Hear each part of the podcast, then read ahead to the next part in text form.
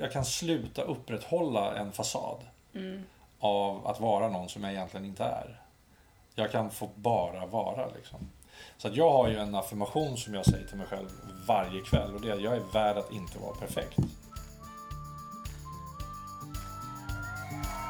Låt dig smittas av glädje i podcasten som förgyller din dag. Välkommen till Glädjepodden med Sandra och gäster. Om du lyssnade på förra veckans avsnitt så gissar jag att du har gått och väntat en hel vecka nu på den spännande fortsättningen. I det här avsnittet så kommer jag nämligen att ställa den fråga som jag är mest intresserad av att veta till Magnus Hedman, om Magnus Hedman. Vilken konstig mening det där blev, hur som helst. Jag är värd att inte vara perfekt. Det är det jag tar till mig mest av allt med det här avsnittet. Det mantrat tar jag till mig just när det kommer till det jag gör nu. Att spela in intro till Glädjepodden. Jag kan säga att det ligger inte högst upp på min älskarlista. För att man kan spela in det en miljard gånger och det blir ändå aldrig perfekt och jag blir ändå aldrig nöjd. Så tack Magnus, jag kommer spara väldigt mycket tid här nu framöver. Förutom att prata om att eh, man är värd att inte vara perfekt och den här otroligt intressanta frågan som jag ska ställa till Magnus, så pratar vi i det här avsnittet om lite allt möjligt faktiskt. Du kommer få en inblick i hur det är att vara fotbollsproffs. Vi går in på lite djupare tankar som har med tro och Gud att göra. Du kommer få lite relationstips och eh, någonting som jag vill understryka, som Magnus sa, det är den här kraften i att göra gott för andra utan att förvänta sig någonting tillbaka. Och på tal om det så skulle jag vilja nu, en av mina favorittankar, det är just den här tanken att man vet aldrig vars människor man möter befinner sig i livet. Och därför så vet man inte heller hur mycket den här lilla extra vänligheten som man ger till andra faktiskt betyder. Och det fina det är att jag faktiskt själv nu har fått uppleva det här. Jag har bott en tid på Hasselbacken hotell. Och först innan jag går vidare nu till det jag ska komma till så vill jag bara flika in att det här är ett väldigt hett semestertips. Mest perfekta, eh, perfekt belägna hotellet i Stockholm skulle jag säga. Precis vid den vackra naturen på Djurgården, men också precis vid all underhållning. Gröna Lund, Skansen, Abbade museum, Cirkus och sen också väldigt nära in till stan. Så det är mitt semestertips. Men nu ska jag komma till mitt stora tack för dagen. för veckan kanske jag ska säga. Men det är till den fantastiska personalen som jobbar på Hasselbacken hotell. Utan att de har vetat om det så har deras vänlighet betytt mer än bara vänlighet om du förstår vad jag menar. Att ibland så kan man vara på en plats i livet och man, det behöver inte vara något allvarligt men att man är lite extra skör och att då någon är vänlig mot en kan betyda hur mycket som helst. Och det har det verkligen gjort för mig nu så att jag är både rörd och tacksam över det. Och jag vill också skicka med den här tanken till dig som lyssnar att du vet faktiskt aldrig hur mycket din vänlighet kan betyda för någon annan.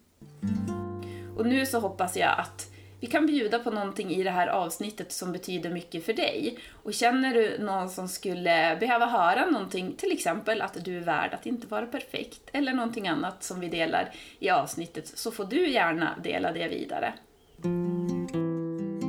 Välkommen tillbaka till Glädjepodden, Magnus. Tack så mycket. Vi har ju sparat det bästa till det här avsnittet. Ja, du har gjort det. Jag vet ju inte vad du har sparat, men det får vi väl upptäcka nu snart. Då. Fast jag vet inte om det kan bli, jag ska inte säga så heller, man ska inte värdera saker så mycket. Mm. Det sa du faktiskt i förra avsnittet, det här med att inte gå in så mycket i att men, någonting är jättebra eller någonting är jättedåligt. Det är lite munkmentalitet över det. Att inte värdera så mycket. Ja, det kanske är det. Alltså, jag jobbar ju mycket med meditation och sådana saker, att vara i nuet. Mm. Ehm, och jag tycker absolut att man ska känna. Eh, liksom, om- man ska känna glädje, man ska känna sig ledsen, man ska känna glädje, sorg och så vad det kan vara för någonting. Men, men jag tror att ehm, om man liksom letar för mycket ytterligheter kring saker så kan det bli rätt tufft faktiskt. Och i mitt fall så, om jag tittar på när jag, alltså mina bolag till exempel som jag driver, de tidigare varit så att ja, jag ska bli så här stor och hit ska vi. Men det skapade bara stress för mig egentligen. Eh, Och då värderade inte jag varje affär som vi gjorde heller. Idag är det mer så här, ja, nej, men eh, det blir som det blir. Jag kommer ge allt och vi har en bra plan. Eh, sen får jag hoppas att vi når den. Liksom. Jag tänker om man värderar mycket, då lever man mer i rädsla. För då är det mera så att man kanske är rädd för att någonting ska gå dåligt eller att man håller kvar för mycket vid det som är. Att man inte är lika flexibel i livet. Det beror ju lite Så. på situationer såklart. Ehm, jag menar, tittar man på kärleksrelationer till exempel, på tal om att värdera. ehm, och eh, massakrera och analysera. Så är det ju eh, trist hur många gånger man, när man har en diskussion med sin partner och den går för långt. Hur man liksom, då handlar det om att vinna den diskussionen. Då är det alltså min värdering jag har gjort i det är att du har fel. Jag kommer inte lyssna.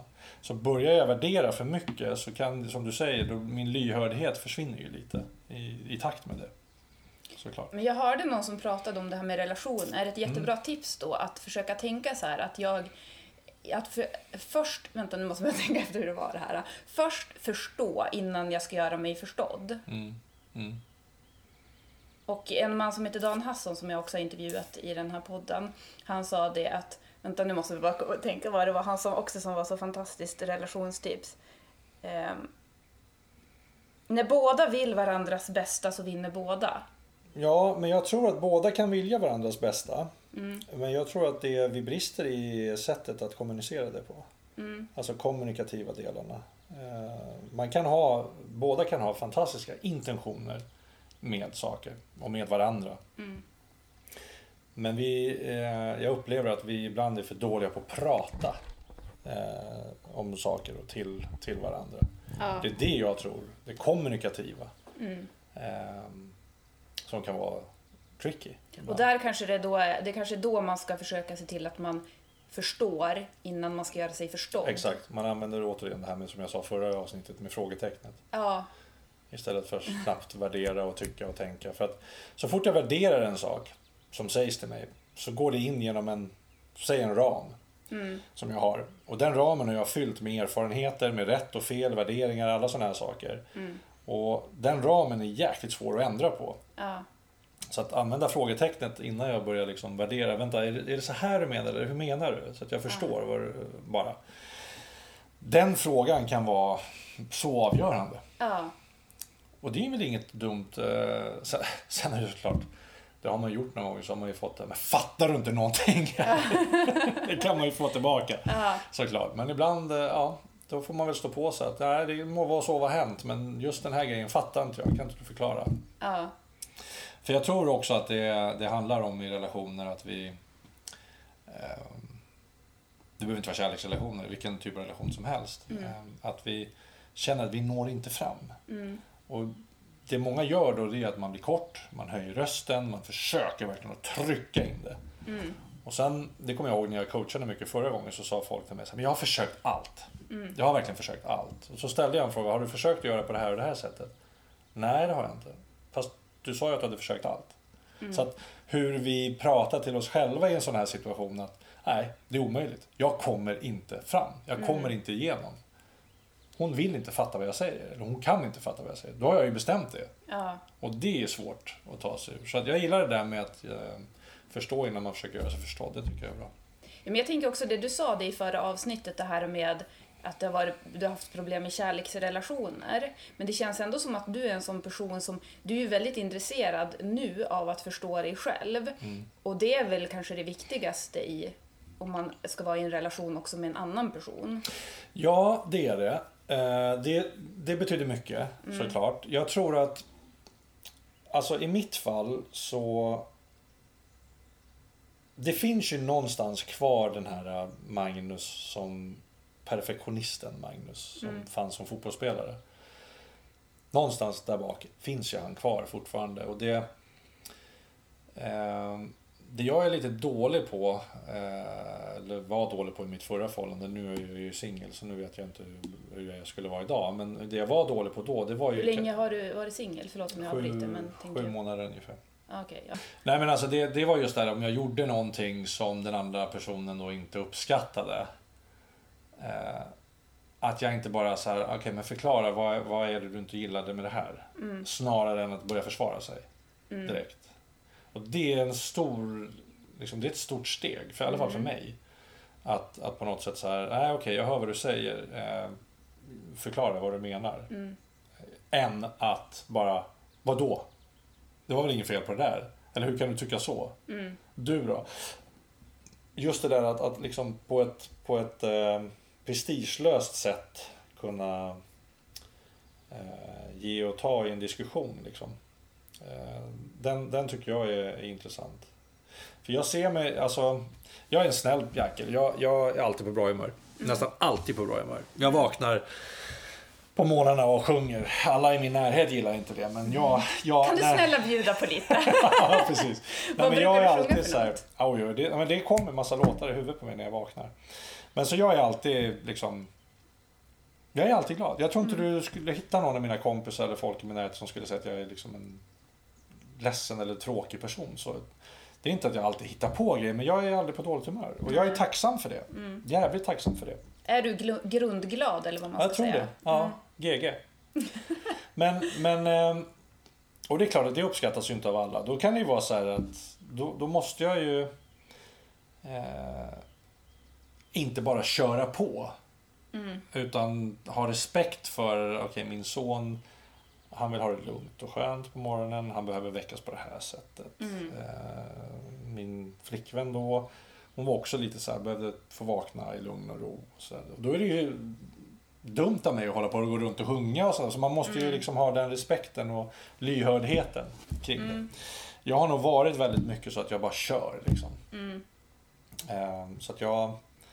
Eh, men jag tror att det där kommer i takt med att man blir mer liksom, eh, kompis med sig själv och, och lugn, mer balanserad.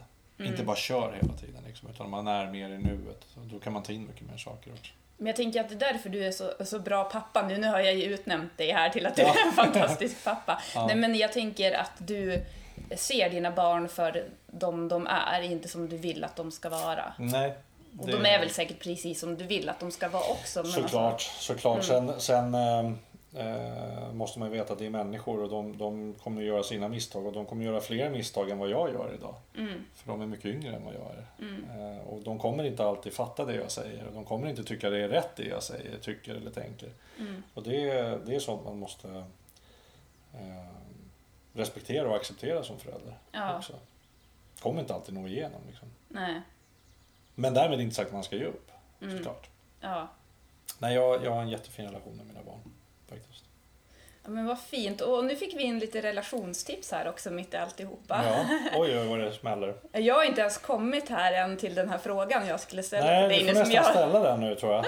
som jag blåst upp här nu. Ja, precis.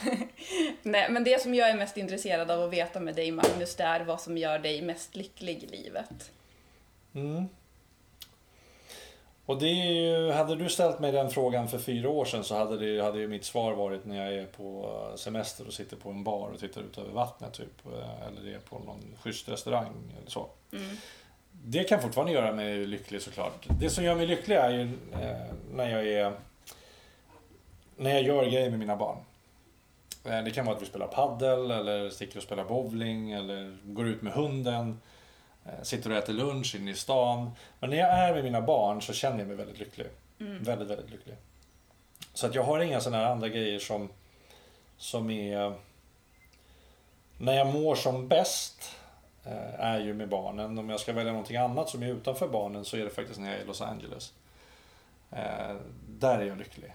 Och skälet till det är att det, det känd, jag får en sån frihetskänsla när jag är där. Jag tror att det handlar mycket om att ingen, om det inte är svenskar eller någon riktigt fotbollsintresserad, men det är ingen som känner igen mig.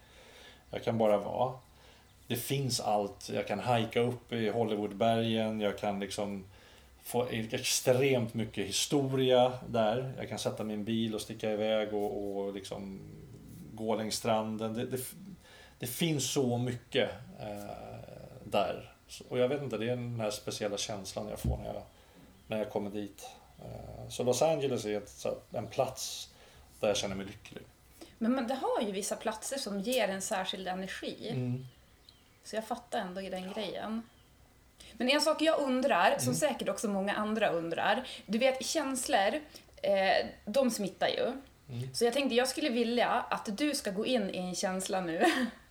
För att jag vill bli smittad och jag tänker att de som lyssnar också ska bli det, för att få känna in hur det känns. Men hur känns... Ja. Ja, alltså jag kan ju få dig att gå in i ett tillstånd. Ehm, men fortsätt. Mm. Men jag vill veta hur det kändes att vara med 94 när Sverige tog VM-brons. Mm. Du vill veta hur det var när vi kom hem eller? Jag vill veta bara, alltså känslan. Hur, hur känns det? Alla har ju en känsla till det känns det som. Men det är ju få som har varit med. Känslan, alltså så här innan turneringen så, jag var ju bara 21 år gammal då. Så, så handlade det ju mycket för mig om att varje match jag spelade i Allsvenskan med AIK var jag ju tvungen att maximalt prestera för att bli uttagen till det här laget i och med att jag var så ung och målvakter är ju oftast mycket äldre. Så det var ju en press. Ehm, Och jag, liksom, det var fullt fokus. Jag var verkligen i bubblan. Jag åt rätt, jag sov rätt, jag tränade rätt. Det var bara fokus på prestation hela, hela, hela tiden där. Sen var jag hemma eh, en eftermiddag och fick ett samtal från eh, kansliet, alltså Svenska fotbollsförbundets kansli, där de berättade att eh, vi får egentligen inte göra så här, men du har blivit uttagen till VM-laget. Och då, då bara ringde jag hem alla kompisar och mamma och moster och alla så det blev ju värsta festen hemma hos mig då. Eh, De sa, de, de, sen sa ju Tommy Svensson, förbundskaptenen, la- eller truppen, någon, några timmar senare. Och den känslan var ju så här eufori, euforisk liksom. Wow, jag ska få åka till VM och USA och sådär. Och sen var det när vi väl kom ner där så var ju USA som land helt magiskt. Eh, stort och det var så mycket säkerhet runt omkring och man kände sig så speciell. Liksom. Hotellen var fantastiska, maten var fantastisk. Jättemycket folk som tittade på träningarna, hundratals journalister. Liksom. Allt var så stort. Och sen matcherna, ja de bara gick och vi vann och vi gick vidare och gick vidare och gick vidare liksom. Men det största ändå var ju när vi kom hem och, och landade, eller när vi flyger in när vi, i Sverige och vi, vi möts av två liksom, eh, stridsflyg som eskorterar oss in. Landar på Arlanda, hoppar direkt in i en buss från planet och på motorvägen till Stockholm så fanns inte en bil som körde. Alla hade stannat. Alla. Och bara stod och applåderade. Alltså det var inte en enda bil som körde på vägen. Det är svårt att ta in. Ja, det var helt sjukt alltså. Ja. Och sen sattes vi då i, ehm, eh, i öppna bilar, alltså cabrioleter. Och så körde vi i kortege genom Stockholm och, och liksom gatorna var smockade med folk. Mm. Det, det, den upplevelsen får man ju liksom inte uppleva igen på det Mm. sättet. Spela fotbollsmatch och VM har jag gjort efter det. Men att få uppleva det där och, och till Rålambshovsparken med 100 000 pers, det, det, är liksom, det var svårt att ta in. Mm. Var det. Men fantastiskt, såklart. Ja. Var det en bra känsla? Gav det en bra känsla? Ja, ja, jo men verkligen. Men det är, det är som du säger, det är så man kan som inte föreställa sig. Nej, nej. Så att, eh, men okej, bra. Då har vi fått lite känsla av hur det är att vara fotbollsproffs också. Ja, precis. då kan man lägga de tankarna på Det hyllan. finns många känslor att vara fotbollsproffs, men just den där var, var ju cool. Ja. Mm. Men jag tänker, du har ju pratat om det här med ditt ego, att du hade mycket ego förut. Mm. Och eh, jag ser ju det som, alltså man, egot, det kan man ju se som att man, ja men det är att man älskar sig själv väldigt mycket. Fast jag ser att det är egentligen att det är tvärtom, att det är, man försöker upprätthålla någonting och att det är väldigt mycket rädsla bakom. Och att det inte alls är speciellt mycket kärlek. Hur tänker du runt omkring det där? Om du, för du har ju som varit i... Just nu ser jag dig som en person som inte försöker upprätthålla någonting, vilket betyder att du inte alls har så mycket ego. Mm. Nej, och det, det är väl... Alltså... Jag tror, tror så här, en- en människa som är självcentrerad, självisk, som har ett väldigt stort ego, är i grund och botten väldigt osäker, väldigt rädd. Eh, jag var ju jätterädd för känslor. Jag var rädd för, att få kritik. Eh, för att det skulle skapa jobbiga känslor. Ehm, och sättet ehm, när man pratar om ego, det- man, jag brukar säga att jag var fullblodsegoist som fotbollsproffs och jag kanske behövde vara det då. Jag kanske inte skulle ta in alla känslor för att kunna leverera den fotbollen som jag gjorde på plan. Jag kanske inte skulle få bli för påverkad privat. Vilket kan låta tufft, men så, så funkade jag. Om du tar Carolina Klüft till exempel. Hon, hon var ju väldigt tidig med att se att nej, jag tänker inte bli friidrottaren Karo. Jag kommer vara människan Karo. Så hon var väldigt duktig på att slå på och slå av det där. Det var ju inte jag. Jag var ju fotbollsspelaren hela tiden, dygnet runt. Så där ser man ju att det finns inget facit liksom på hur man lyckas. Men om man ska komma till måendet så är det såklart att om jag om jag har ett stort ego och vill synas, höras, ehm, vill få bekräftelse hela tiden för det jag gör. Så är det egentligen eh, det enda jag gör är att jag lägger mitt mående i vad andra människor tycker om mig. Eh, Och det blir jävligt riskfyllt såklart. Väldigt. Och det är ju där jag har varit. Eh, Jag fick ju väldigt mycket beröm som fotbolls, eller fotbollsexpert och sådär på TV4 och sådär. Men jag tyckte inte att det var ett jobb. Det gav inte, det, gödde inte mig tillräckligt i bekräftelse. Även, fast, Nej. Även fast folk tyckte att det var bra och sådär. Ja. Så, och det handlar ju egentligen om att, om, okej, nu kommer kanske nästa fråga, så här, hur blir jag av med det här då? Eller hur, hur får jag, balanserar jag ut det här på något sätt? Ja, Det enda sättet jag kan göra det på är ju att börja jobba med mig själv. Jag måste alltså ta itu med vissa saker. Jag måste ta itu med sådana saker som jag är arg på. Jag måste ta itu med sådana saker som jag är rädd för. Jag måste titta på mitt beteende, hur mitt beteende skadar mig och framförallt andra också. Nå, när jag är beredd att göra det och inse att jag är inte perfekt. Det är inte jag som styr showen. Eh, För att ett stort ego vill gärna sätta upp ljussättningen, de vill gärna skriva hela pjäsen, de vill spela huvudrollen och de vill gärna ge eh, kritiken efter också. Så vi ska styra hela showen. Men när du börjar fatta att Nej men vänta, det är nog inte så att det bara är jag som styr showen. Och folk kan faktiskt tycka annorlunda men det behöver inte vara fel på dem för det. Eh, jag har inte alltid rätt. Och det är alltid så att jag alltid har någon del i saker. Oavsett vem jag är arg på, vad den personen har gjort, så kommer jag ha en del i den situationen. Och när jag börjar komma dit och börjar jobba med mig själv och börjar inse det där så, så är det jävligt skönt. För att jag, behöver, jag, jag, kan sluta upprätthålla en fasad av att vara någon som jag egentligen inte är. Jag kan få bara vara liksom. Så att jag har ju en affirmation som jag säger till mig själv varje kväll och det är att jag är värd att inte vara perfekt.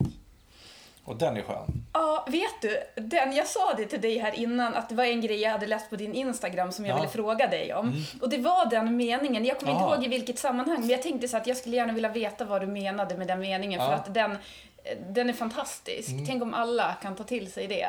Så hur befriande är inte det? Nej men för mig tidigare i mitt liv så har det ju handlat hela tiden om att allt ska se så bra ut, alltså perfekt ut. Eh, Jag ska eh, göra allt rätt. Jag får inte göra någonting som är fel.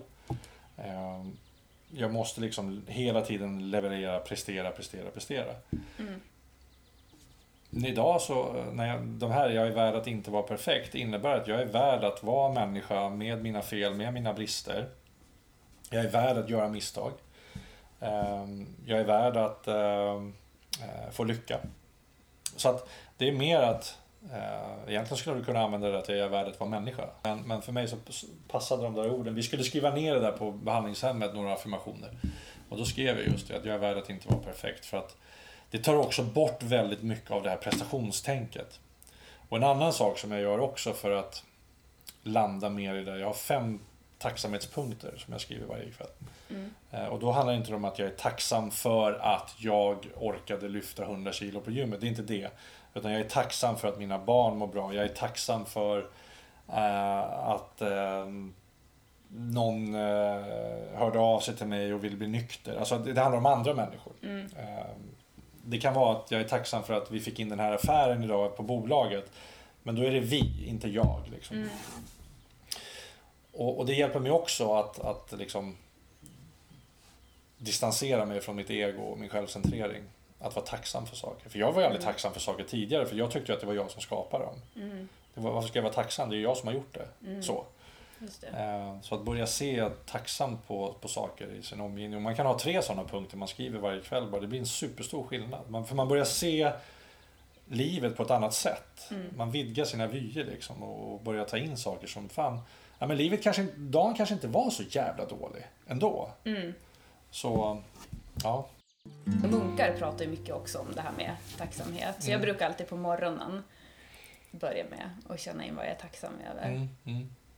Ja, jag tycker det är, det är fint. Sen, sen har jag andra grejer som jag gör med mediteringen såklart. Eh, Jag brukar säga att sjukdomen vaknar innan mig så att om jag inte mediterar utan sätter mig och håller på med telefonen, det märks på min dag. Ja. En sån liten sak märks på min dag, så jag behöver meditera liksom innan. På kvällen så har jag också sju punkter, en inventering som jag gör, eh, som är enligt de här tolvstegsprogrammet då, då, eh, där jag går igenom har jag varit oärlig? Har jag varit rädd? Eh, Vad har jag gjort för att bidra till att livet ska bli bra för andra? Ja. Och så vidare. Och då får jag ju också en liten checklist på hur, hur dagen har varit. Det kanske är så att jag behöver be någon om ursäkt här. Så att den är bra den där inventeringen faktiskt. För det finns ju också, det är, och jag menar, meditera handlar ju egentligen om för att vara i nuet. När vi pratar om mindfulness och alla de här olika orden så det, det handlar ju liksom om att vara här och nu. Eh, och jag tycker det finns en, en jag brukar göra det med, med en del människor ibland, att de får ta siffran 100. Och så eh, får de fördela de här 100 på dåtid, nutid och framtid. Så de får sätta, ja men hur mycket tid tillbringar jag i det som har varit? Alltså tankemässigt då. då. Ja, då kanske det är 40. Det är väldigt mycket. Ja, och hur mycket, mycket spenderar jag i liksom det som jag vill ha då? Alltså, dit ska jag, dit ska jag. Ja, då kanske många tycker att det är jättebra att ha mycket. Då, då kanske de säger 40 där också. Och hur mycket är du nu då? 20. Så blir det för lite. För att oavsett vad som har hänt, oavsett var vi ska, så är det ju här och nu som du kan göra skillnaden eh, för det. Och Det är, mycket, eh, för det är många som frågar mig just om det här, men hur hanterar du det här med sexuellt utnyttjat som barn, eh, alkoholiserade föräldrar och allt skit som hände under min barndom. Hur, hur hanterar jag det idag? Jo, ett av de sätten som jag hanterar det på är att jag har ju förlåtit de människorna. Jag har inte sagt det till dem, men jag har förlåtit dem för mig själv. Jag vet inte om det här är viktigt för dig, men jag tänker, jag tror inte att vi nämnde det i, när vi pratade om det där förra gången, att du var sexuellt utnyttjad. Men vi kanske ändå ska understryka att det inte var dina föräldrar. Visst Mm. Nej, var det var inte det din inte. mamma eller pappa? Nej, det var det inte. Nej. Nej. Men det är också en sån där grej. Alltså vi kanske behöver...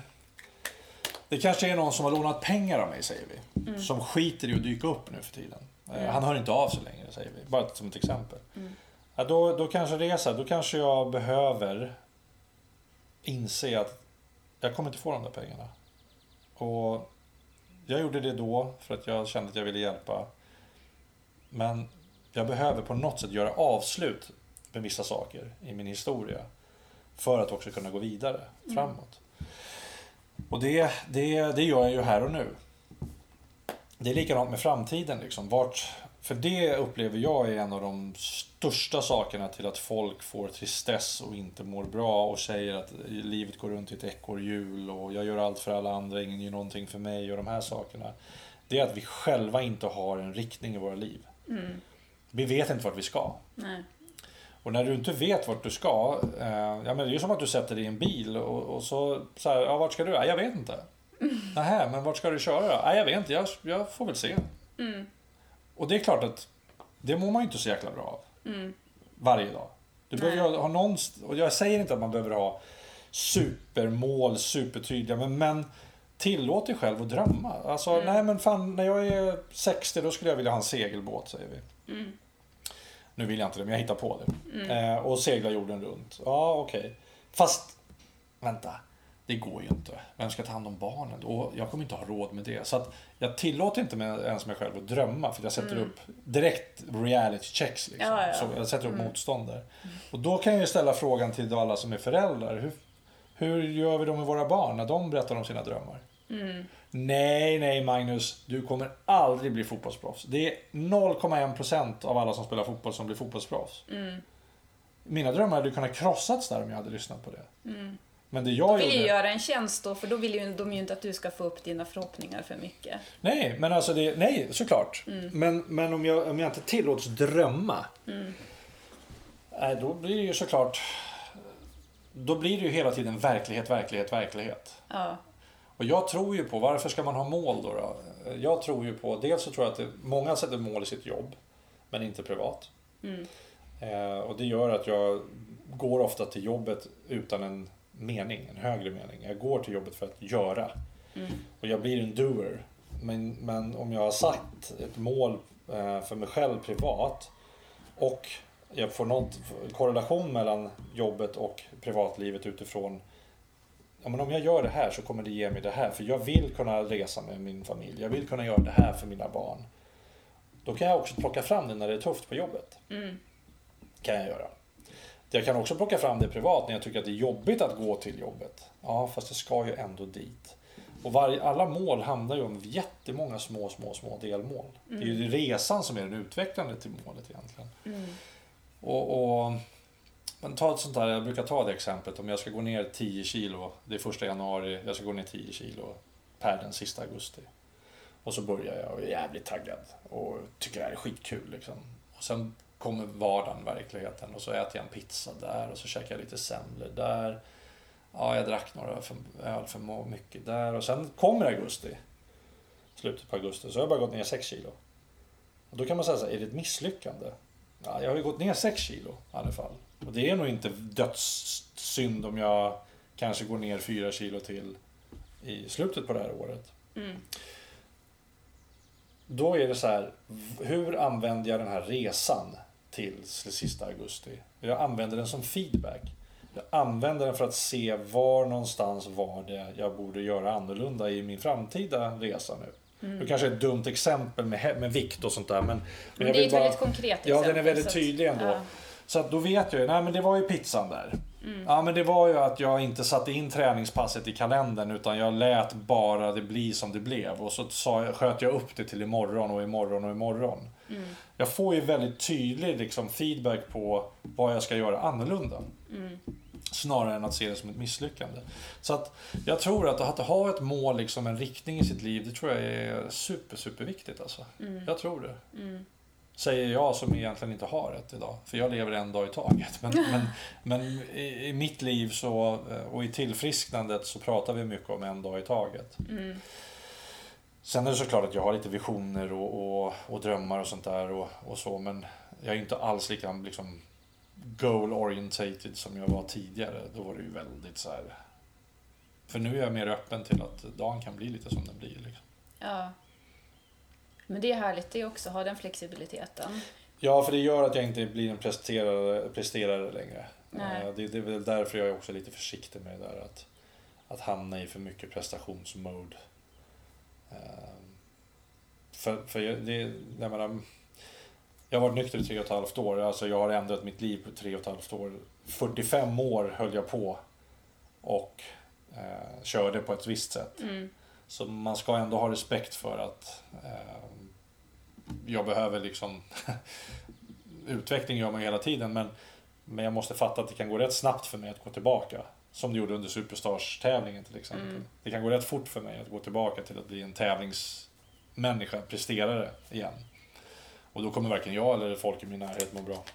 Men det är det jag tänker också som jag är så fascinerad av. För tre och ett halvt år, det är ju som ingen lång tid egentligen. Nej. Och det här med personlig utveckling, alltså det vet jag av personlig erfarenhet att det är ju sjukt tufft. Ja, Så att, att du har både dels, i- jag vet ju inte hur det är att vara drogberoende och bli av med det, men alltså dels det plus den här personliga utvecklingen som du har gått igenom och det Ja. är ju faktiskt... Det är ju så här egentligen. Det kan låta för lite flummigt men, men ehm, alkohol och droger, alltså alla sinnesförändrande substanser är egentligen bara ett symptom på vår sjukdom, beroendesjukdomen. Så att bli ren går oftast väldigt fort. Ehm, mycket snabbare än vad man tror. Sen såklart kan du behöva vara på avgiftning om du har druckit jättemycket jättelänge så är det, handlar det ju, alltså de eh, abstinenserna som de får är ju vidrig för alkohol och, och även med heroin och sånt där. Men, men i mitt fall då, med kokainet. Tar ju inte så lång tid. Vad är det då som gör att jag inte får sug? Jo, det är ju att jag jobbar med mig själv. Med mina relationer. Jag ber om ursäkt, alltså jag gottgör människor som jag har skadat till exempel. Jag eh, ser min del i saker. Jag, jag, alltså, jag jobbar med, hjälper andra och så vidare. Det gör ju att jag inte får sug. Det är alltså, det här är ju så fint. Det, ja. ja. Nej, men det, det, och det är så tolvstegsprogrammet är uppbyggt. Mm. Så att, eh, och det, var därför, det, det är det som gör att det alltså, jag höll upp från droger själv under tre års tid. Eh, I början på 2010 där. Eh, 2011 var det, första januari 2011. Mm. Men jag mådde inte bättre av det. Jag mådde ju bara sämre. Alltså jag fick ju göra det på vita knogar för att jag jobbade ju inte med mitt tillfrisknande. Nej. Jag stängde bara sinnesförändrande substanser. Men beroendesjukdomen var ju kvar. Och den mm. låg ju bara och pyrde och försökte ta mig på alla sätt. Liksom. Så att det är det som är det magiska med tolvstegsprogrammet. Boken Anonyma Alkoholister skrevs 1934 och vi jobbar, vi jobbar på exakt samma sätt idag som de gjorde. All respekt till den boken för att det där tolvstegsprogrammet, det känns ju som att det är grejen som egentligen ja. alla borde gå. I USA vet jag att det är många företag som låter sina anställda gå tolvstegsprogrammet även om de inte har ett beroende. Mm. Så att, ehm, och i USA är du liksom en eh, eh, recovered addict så är du rätt eh, attraktiv på arbetsmarknaden. Mm. Ja, Skulle du skriva det i ditt CV i Sverige? Ja. Ja, för detta narkotikamissbrukare. ja, det skulle ju aldrig gå. Och, och, varför jag tar upp det här, ja. det är för att eh, varför jag gör, och jag och Nemo gör den här Beroendepodden till exempel. Ja. Det är för att vi vill att Dels så vill vi krossa tabun för de som lider, mm. alltså skammen. Ja. Men eh, vi vill ju också att folk faktiskt ska börja lära sig vad beroendesjukdomen är mm. för någonting. För det är Sveriges näst största folksjukdom. Ja. Men det är ingen jäkel som vet vad det är. För man tycker att, nej men vadå, alkoholister det är de på parkbänken och narkomaner det är de som tar heroin på plattan. Mm. Vi kan så sjukt lite om beroendesjukdomen. Och jag tänker att det är lite mycket begärt av en person som har hållit på då med droger, som där när du sa att du slutade 2011 eller vad det var, Mm. att bara Alltså den, jag tänker att det handlar, som en, alltså det handlar ju inte om disciplin, att du ska hålla dig Nej. ifrån. Nej. Utan det handlar ju om att du ska få hjälp. Ja. Och får du inte det, då är det inte disciplin som gör att du Nej. hamnar där igen. Jag har inte hört talas om någon som har beroendesjukdomen som har klarat det på egen hand. Nej. Jag har inte hört om någon. Däremot har jag hört om väldigt många som har klarat det med 12-stegsprogrammet. Det är ju evidensbaserat. Mm. Men jag har också hört om väldigt många som eh, tyvärr dör i den här sjukdomen. För det är Mm. 100% dödlighet om man inte gör någonting åt det. Mm. För vissa snabbare än andra. Mm. Så att det, det är liksom det är bra att du tar upp det där med att ja, men fan, det är väl bara att skita i att dricka. Man måste Mm. ha disciplin. Alltså någon jäkla eh, självinsikt måste man väl ha. Ja, och, och som beroende så sitter man ju och säger och vill inte dricka mer. Men man kan inte. Nej. Man är liksom körd. Nej. Så att det är ju ett av skälen till att jag gör den podden med Nemo, eller de största skälen. Eh, Det behövs, vi behöver prata om det där mer. Eh, Vi brukar prata om window of opportunity. När du som missbrukare eller beroende bara så här, jag vill inte mer, jag orkar inte, jag orkar inte. Att då, det är då man ska sätta in hjälpen. Det är Mm. då man ska ta hjälp. Mm. Sen kan det där fönstret stängas och då kan det vara stängt i två år. Who knows? Eh, men att åka på behandlingshem och inte sätta sitt tillfrisknande först. Eh, därmed inte, vill jag inte att det ska låta egoistiskt, men om jag inte, allt jag sätter före mitt tillfrisknande kommer jag att förlora. Så är det. Eh, men om jag sätter mitt tillfrisknande först och verkligen ser till att dels bli nykter men sen att få ett mycket bättre liv. För det är ju det det handlar om. Relationerna och allt vad det nu är till sig själv och så. Och jobbar i tillfrisknandet då, då Alltså jag ser ju på, skulle du gått med mig på ett möte och, och tittat på de här människorna som, som jag sitter med i den tolvstegsgemenskapen som jag går på. Där är ju liksom folk som har bott på gatan. Som Mm. inte har haft hem, tak över huvudet för natten. Med det värsta av heroinmissbruk man kan tänka sig. Du skulle aldrig se det idag. Och det är liksom ett år efter. Mm. Så det, det går så snabbt också. Och det, det, sen är det många som pratar om det här med Gud och sådär, att det står mycket om Gud och så. Det, det är ju inget religiöst program, det är ett andligt program. Mm. Egentligen så handlar det om att vi som själviska egoister ska börja tro på en kraft större än oss själva. Det är inte svårare än så. Det räcker att vi tror på att det finns någonting som är större än oss själva. Vi är inte Gud. Liksom. Nej. Men jag tänker att vi är en del av Gud. Ja. Ja, det där är ju, alltså här har vi ju extremt, för många av oss är ju liksom agnostiker. Vi tror inte på något, förutom oss själva. Mm. Eh, som är beroende. Men, men eh, när man kommer in där och ser alla andra som har gått före så förstår man ju att ja, någonting kan nog kanske vara större än mig själv. Ja, vad tror du på? Jag kallar ju honom för Gud. Mm. Eh, jag tror på en kraft större än mig själv. Mm. Eh, utifrån ett andligt perspektiv. Mm. Eh, jag ber varje dag, till exempel. Mm.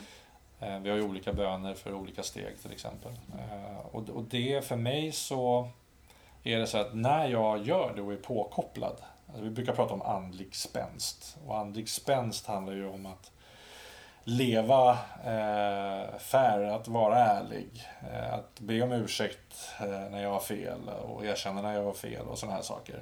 Eh, göra fina saker för andra människor. Eh, när jag har eh, en bra andlig spänst så ser jag ju också tecken som Mm. sker. Mm. Alltså, eh, sjuk grej, jag, jag fick en fråga för det var ett, ett och ett halvt år sedan kanske det var. Om jag ville vara med på en fotbollsmatch. Mm. Och det här är så här, det här är rätt ballt. Eh, jag ska inte ljuga. Men jag ville verkligen inte spela fotbollsmatchen. Så jag sa att nej, jag har så jäkla ont i min ena fot så att jag, kommer inte, jag, jag kör inga fotboll just nu. Jag hade inte ont i min fot. Mm. Men vet du vad som händer när jag är ute och går? Jag stukar min fot. Mm. Och för mig så var det ett tecken från min högre makt att sluta ljug. Mm. Sen brukar man säga så här också att våran högre makt ger oss inte mer än vi kan hantera. Mm. Eh, om jag vill ha någonting idag och tycker att fan nu är jag värd det här.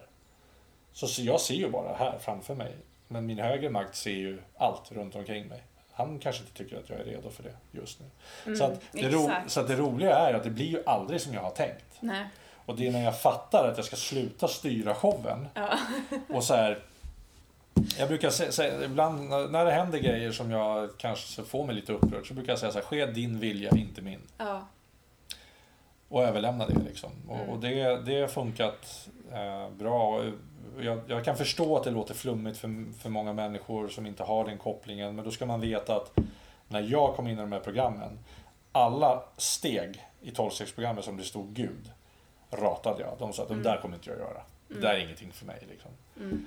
För jag var verkligen, jag trodde inte på någonting annat än mig själv. Så att det handlar egentligen bara om villigheten. Mm. Och är jag villig att, att liksom ge det här 100% och göra allt jag kan. För steg ett är ju det jag måste göra till 100%. Jag måste kapitulera, jag måste erkänna mig maktlös, att jag inte kan hantera mitt liv. Mm. Och det är ju svårt för en egoist att jag säger sådana saker. Men, men steg ett är det jag kan göra till 100%. Mm. Och gör jag det, då har jag en chans att få ett fantastiskt liv. Mm. Fantastiskt liv. Mm. Om det är någon som har, känner någon som är beroende och den personen inte vill ha hjälp, vad gör man då? Alltså det är svårt. Det är väldigt svårt och då börjar vi gå in på medberoendefrågor. Mm. Eh, och där eh, handlar man brukar prata mycket om att sätta upp kärleksfulla gränser. Mm. Men jag tycker någonstans att det handlar om att sätta upp gränser. Mm. För det är svårt att värdera vad som är en kärleksfull gräns och inte. Mm. Sätt upp gräns. Eh, till exempel. Du är inte välkommen hem om du är påverkad. Mm. Och det kan ju vara jätteläskigt. Mm. Alltså, vem skulle säga så till sin partner som har ett problem? Mm. Du får inte komma hem om du är påverkad. För det jag direkt kommer tänka då det är ju så här, shit, tänk om han dör, tänk om han åh, inte har någonstans att sova och du vet så. Men för, var, för varje gång som jag eh, låter han komma in Mm. Så möjliggör jag ju bara hans beteende, hans fortsatta beteende. Mm. Och om jag också inser att det är en sjukdom som den här personen har. Som jag inte kan fixa. För jag, dels så är jag inte Gud och jag är inte någon läkare. Så jag kan inte fixa den här personens sjukdom. Så handlar det ju någonstans om att för det brukar oftast bli så här i den typen av relationer du beskriver nu att jag känner någon som är beroende och jag, han vill inte ha hjälp säger vi. Så blir det ju så här att du säger till mig Magnus jag ska inte dricka något mer nu. Och då blir jag jätteglad. Alltså jag blir nästan euforisk. Jag får en fantastisk dag av det. Mm. Och fan, han har inte druckit. Du har inte druckit nu. Shit. Och så man går och lägger sig och allt är så guld och gröna skogar. Så går man upp så här och sen går du till jobbet och jag går till jobbet och sen kommer du lite sent, ja men det kanske är trafik och sen hör jag på dina fotsteg att du har druckit. Mm. Och när du kommer in genom dörren så frågar jag varför har du druckit? Och det du kommer svara mig då att du vet inte. För det är det, det, är det här som sker hos beroende. Och jag kommer ställa dig frågan, hur fan kan du vara så taskig mot mig? Du har ju lovat och det ena med det tredje och mitt liv raseras totalt. Ja. Det vi pratar om i medberoendegemenskapen är ju att sätta gränser för att du måste få chansen att leva ditt liv. Liksom. Och du kan inte fixa personen. Så att Så det- gränser, gränser. Ja, och så sen så tänker jag att den som är medberoende kanske också själv behöver söka hjälp. Ja, det är ju det det handlar om. För att istället för att försöka fixa den personen, Ja. den andra. För en medberoende knarkar människor. Mm. Alltså det är det vi gör. Vi knarkar andra människor. Eh, att fixa och trixa för, andra, för andra. Mm. Eh, För en medberoende handlar det om att göra totalt tvärtom. In i medberoendegemenskapen och börja stärka dig själv. Se till att få ett drägligt liv oavsett vad ditt barn, din partner, din mamma, din pappa eller vad det än är, din kompis. Oavsett hur de lever sitt liv så måste du få chansen till att få ett drägligt liv. För medberoende, det handlar ju inte bara om att vara medberoende till någon som håller på med droger. Nej. Utan det kan ju vara precis, det kan ju vara vad som helst. Det är bra att du säger det för att och det är därför vi pratar också om anpassningssyndrom. Ja. Med att bli medberoende, det är ju först och främst inte att jag har suttit med någon och druckit eller drogat. Det är det ju rakt inte. Utan det handlar ju om att det kan ha varit för lite närhet i, eh, under min uppväxt. Eh, det kan ha varit våld i hemmet. Eh, alltså många sådana där saker som har gjort... Psykiskt våld kan det också Ja, ha varit. såklart. Så det, Absolut. ja. Så att det är många, många saker som, som går in där. Så det är inte bara de, nu är det ju främst de som har ett beroende som, som har kommit. Eh, alltså deras eh, nära och kära. Men det är precis som du säger, man behöver inte alls vara i relation med någon som har druckit eller drogat. Det kan vara de andra grejerna också. Mm. Absolut. Och det är det ju vidrigt. Och en medberoende blir ju sjukare och sjukare i sitt medberoende. Mm. Vilket leder till att man går upp på nätterna och sätter sig i bilen och går, kör ut och letar efter sin man eller hustru eller vad det nu är för något. Ehm, ringer runt till sjukhus och, och det blir ju bara värre och värre. Man blir ju bara sjukare och sjukare i det där. Och det gäller att få stopp på det där. Mm. För eh, det dödar oss. Mm. Det dödar oss eh, Mm. totalt. Det dödar ju livsglädjen, livs, liksom, lustan. Eh, och vi ger upp. Eh, folk går in i väggen. Eh, man ger upp för man orkar inte. Och då måste man förstå att det man försöker göra är att man försöker fixa en person som har en sjukdom. Dels kanske personen inte vill bli fixad. Plus att personens sjukdom är kronisk.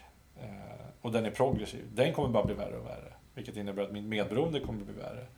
Jag kommer inte kunna fixa den här personen. Han kommer aldrig bli frisk. Han kan tillfriskna. Men det måste komma. Och det är det som gör den här så jäkla lömsk, beroendesjukdomen. Att, för jag menar, bryter du benet, ja men då blir det så här per automatik så åker du in och får bli gipsad och fixad. Det, det, det, så är det ju. Ja. Men får du reda på att du har beroendesjukdomen så är det inte så att du åker in och vill ha hjälp direkt. Nej. Och det är väl egentligen det jag skulle vilja avsluta med när det kommer till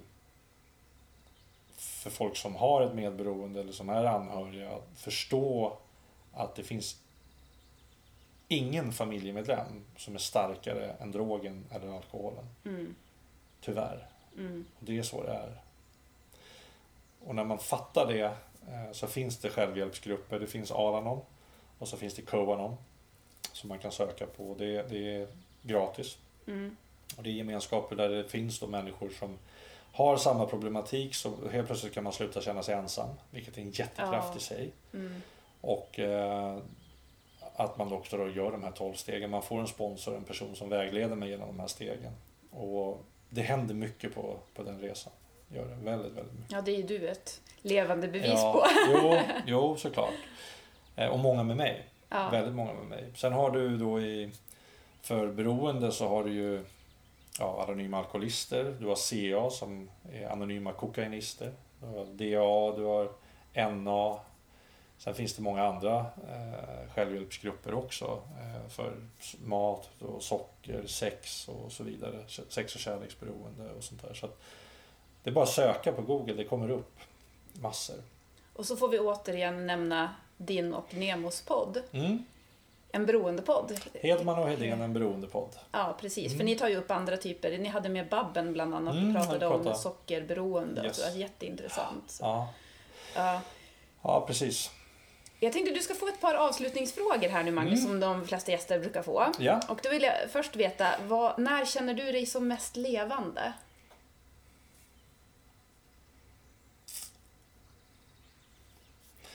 Som mest levande är jag när jag är hemma i soffan med mina barn. Mm. Där är jag som mest levande. Faktiskt. Mm. Bra svar. Och eh, vad skulle du göra om det inte fanns några sociala regler eller normer? Oj. Ja, jag skulle nog gå och sjunga AIK-sånger lite här och där på gatan tror jag. Det är ju någonting som ibland bara också bara ploppar upp hos mig. Att jag börjar sjunga en massa AIK-sånger och mina barn bara tyst, tyst, du kan inte göra. Och Karin, mitt ex, hon sa du kan inte ha- stå här i matkön liksom. Ehm, det hade jag nog gjort tror jag. Ja, Mm. du vill inte köra. Vad sa du? Du, vill, du känner dig inte fri nu och bjuda Ja. på en AIK-låt. nej, nej, men nej, då tycker, kommer de tycka jag är pinsam om de lyssnar på det här. Ja, just det. Ja, Du jag får ta hänsyn jag- jag tar hänsyn till ja, dem, ja. det tycker jag låter Mm. bra. Men du, Mm. vi brukar alltid skicka med en glädjeutmaning till lyssnarna. Okej. Då tänker jag så här. Jag tycker det här 12-stegsprogrammet verkar fantastiskt. Om Mm. du ska ge en utmaning som är någonting av det bästa från 12-stegsprogrammet. Du får ge en annan också, men jag tänker att det vore kul om du hade någonting, något tips där. Ja. Ehm. Alltså steg fyra i tolvstegsprogrammet det är ju ett väldigt omvälvande liksom steg. Ehm. Där man går igenom saker, sin harm, alltså saker man är arg på, saker man är rädd för och så vidare. Men, och, jag skulle säga så här, steg, steg 8 steg 9 där, där gör man ju upp en lista över folk som man har skadat. Och gott gör de då. Eh, och det handlar ju inte om att be om deras förlåtelse utan det handlar ju om att be om ursäkt och även fråga personen om jag har glömt något eller utelämnat någonting eller om jag kan göra någonting för personen. Eh, det är ett väldigt fint steg. Eh, men jag tror det är svårt att plocka ett steg ur sin kontext här, i 12-stegsprogrammet och, och sätta så här för folk. Jag, jag skulle nog jag skulle snarare göra så här, om jag har en dålig dag, säger vi. Eller om jag har en period där jag kanske inte är på topp. Så är mitt tips att gör någonting för någon annan. Och då behöver inte det vara någonting mer än att jag håller upp dörren för någon. Men när jag håller upp dörren för någon så ska jag inte vänt, förvänta mig att den personen tackar. För det är inte där belöningen ska ligga. Belöningen ska ligga i att jag de facto gör någonting för någon annan. Jag kanske ler till en uteliggare och får ett leende tillbaka. Jag kanske ler i trafiken till någon som jag jag märker är lite sur som sitter i sin bil. Du kanske till och med låter någon köra före. Precis. Det eh, skulle jag göra, för jag tror mycket på att det vi ger får vi. Eh, och jag tror, jag tror att... Eh, för det är lätt att självömka och tycka synd om sig själv när man inte mår så bra. Och tycka att allt går emot en. Men att då bara få ett leende av någon på gatan genom att jag ler själv. Och det handlar egentligen inte om någon större insats. Så det skulle jag testa. Det här är så fantastiskt bra. För när du har fattat att du ska göra, att om du gör saker för en annan person utan att du ska förvänta dig att få den tillbaka, utan att du gör det bara av den glädjen att ge. Jag tror att det här är någonting som är genetiskt i oss, för vi blir så lyckliga utav det. Det är den äkta glädjen, alltså den största äkta glädjen man kan komma åt. Men då handlar det också om att man inte ska förvänta sig att få någonting tillbaka. Och då är det någonting, det här säger jag utan att egentligen ha någon vetenskap på, men jag vet att man blir glad av att göra andra glada. Men jag tänker att det är någonting i vårt belöningssystem då som kickar igång. Men det, och det, det finns det faktiskt studier gjorda på när det kommer till dopaminet som är vårt belöningssystem. Eh, dopaminet eh, går upp mer när du ger en julklapp än när du får en julklapp. Eh, dopaminet går upp när du får vara någon till hjälp eh, snarare än tvärtom. Och då är det så här att om man nu tänker på det att någon ber om hjälp så vill jag gärna hjälpa såklart. Eh, om jag nu har de möjligheterna. Så är det så jäkla konstigt att vi är så dåliga på att be om hjälp. Vi vågar inte be om hjälp när man vet att man gillar att hjälpa andra. Liksom. Så att eh, ja, vi har, eh, vi har mycket kvar. Men, men, men det skulle jag liksom skicka med så här som steg, ett steg och, och kom, också komma ihåg att det vi säger till oss själva blir en verklighet. Ja. Och, och, och säger jag till dig att fan nu har du förstört min dag. Så kommer det gå ner i hela mitt neurologiska system. Och jag, det där kan sitta kvar i 62 timmar. Vad synd att du sa det nu då. Ja, exakt. Ja. Och det, det kan sitta kvar i mitt system jättelänge. Ja. Alltså, sä- över 60 timmar. Och, och det är också sådär om jag sitter och Ja, för fan mitt liv är så jävla tråkigt. Ingenting händer och det där hände och så dog kompisens hund. Och man bara letar fel att mata sig med. Liksom. Ja, Så egentligen så trycker vi ner oss själva till en nivå där som det bara blir längre att ta sig upp ifrån. Liksom. ja. Så vi ska vara försiktiga med vad vi, vad vi säger till oss, eh, till oss själva. Men då har vi en veckas utmaning nu. Dels så ska vi göra bra saker för andra personer utan baktanke. Och så sen så ska vi tänka på vad vi säger åt oss själva. Ja. Och sen så tycker jag också att om man är en person som eh, har svårt att be om hjälp, då ska man tänka på det också. Mm. Tack så mycket. Är det någonting du vill tillägga innan vi säger tack och hej nu? Nej, absolut inte. Ja. Eh, Jag tycker att vi har eh, haft det fantastiskt och kul att du gör den här podden. Sprida glädje, det tycker jag, jag gillar det. Mm. Och jag är jättetacksam att du var med. Tack för att jag fick vara Ja, och tack till dig som lyssnar också. Magnus kan du följa på Instagram och eh, en Hedman och Hedén, en beroendepodd. Mm, och så säger vi bara ut och sprid glädje nu. Ja, ut och Ja. sprid glädje. Ja, fint. Härligt. Tack.